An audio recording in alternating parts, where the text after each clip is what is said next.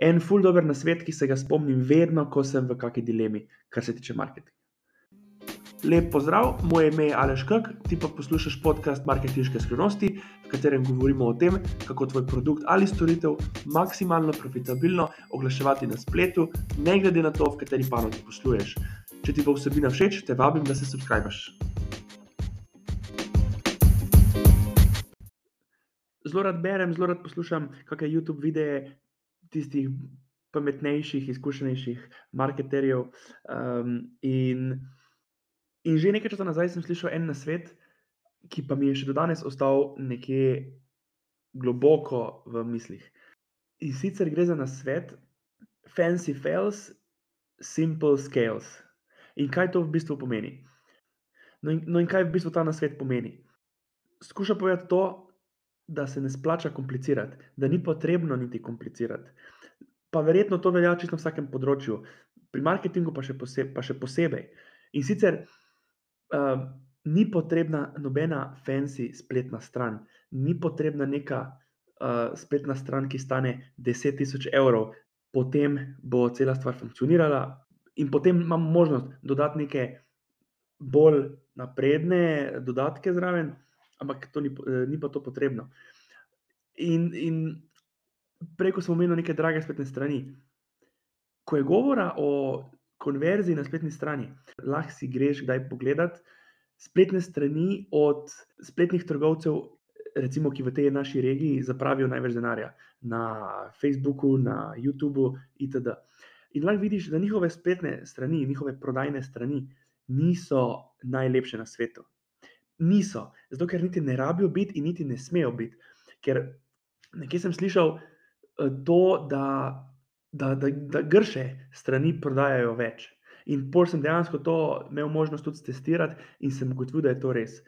Spletna stran, da proda, ne rabi biti lepa. Kvečemu, če je prelepa spletna stran, izove mogoče neki kontraefekt. Medtem ko če ima spletna stran vse informacije, ki jih kupec rabi, pa spletna stran ni najmodernejša, je to boljše. Na nek način je razlog v tem, da ne sme cel dizajn zmest obiskovalca spletne strani. Če, če obiskovalec, namesto da se fokusira na vsebino, opazuje, kak je spletna stran uh, fancy, kako je čudovita, kako je vse tip-top, zgubi pozornost. Vsaj jaz v tem vidim nek razlog, zakaj grša spletna stran proda več. Oziroma, konvertira več, če se gre, na, se gre na pobiranje prijav, oziroma lidov, kot se reče temu angliško. Tako da, ja, in to je, kar se tiče spletne strani. Ampak tudi, če pogledamo cel prodajni proces, bolj kot je cel prodajni proces, cel, cel uh, marketinški sistem zastavljen enostavno, lažje nam bo in kratkoročno, in dolgoročno.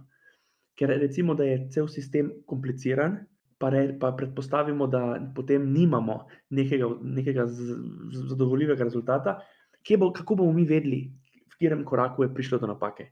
Če bomo mi hoteli odkriti napako, pa recimo, da je proces, ehm, da ima proces sedem korakov, bomo mogli vsakega od teh sedmih korakov uh, preverjati. Ne? Kar je bistveno težje, kot če ima cel proces tri korake. Ne? To bi recimo v, v praksi bi to pomenilo, imamo nek landing page, potem imamo nek obrazec in potem imamo nek thank you page. Ne? Je, ali pa mogoče še oglas, ki pelje na landing. Imamo dejansko pol tri, štiri korake in je vse skupaj bistveno, bistveno, bistveno lažje in bistveno bolj enostavno.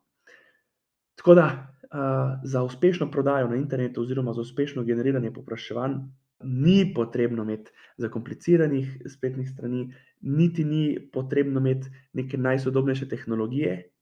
Ne, ker že nekaj let nazaj sem se pogovarjal z, z, z enim poslovnežem, naj bo neimenovan, uh, ki, je začel, ki je želel zagnati eno uh, kampanjo za svoje podjetje. No, in kampanja je bila v bistvu že od samega začetka neuspešna in neprofitabilna, ampak on je, on je nekje slišal za nek, nek res, res napreden softver, um, ki je tudi, tudi precej drag, mislim, da je cena nekaj deset tisoč dolarjev na, mesec, eh, na, na leto, na mesec.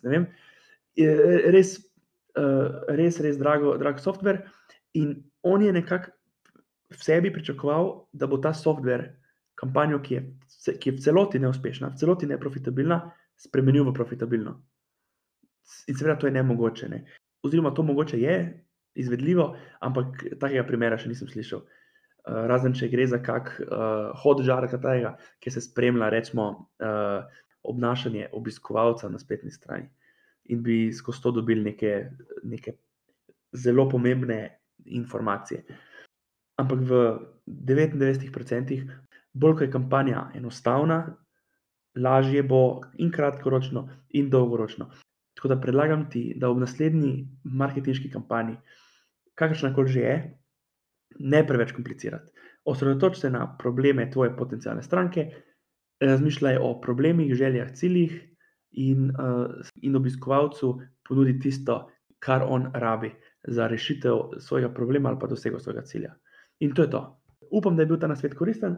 Se poslušamo v naslednji epizodi.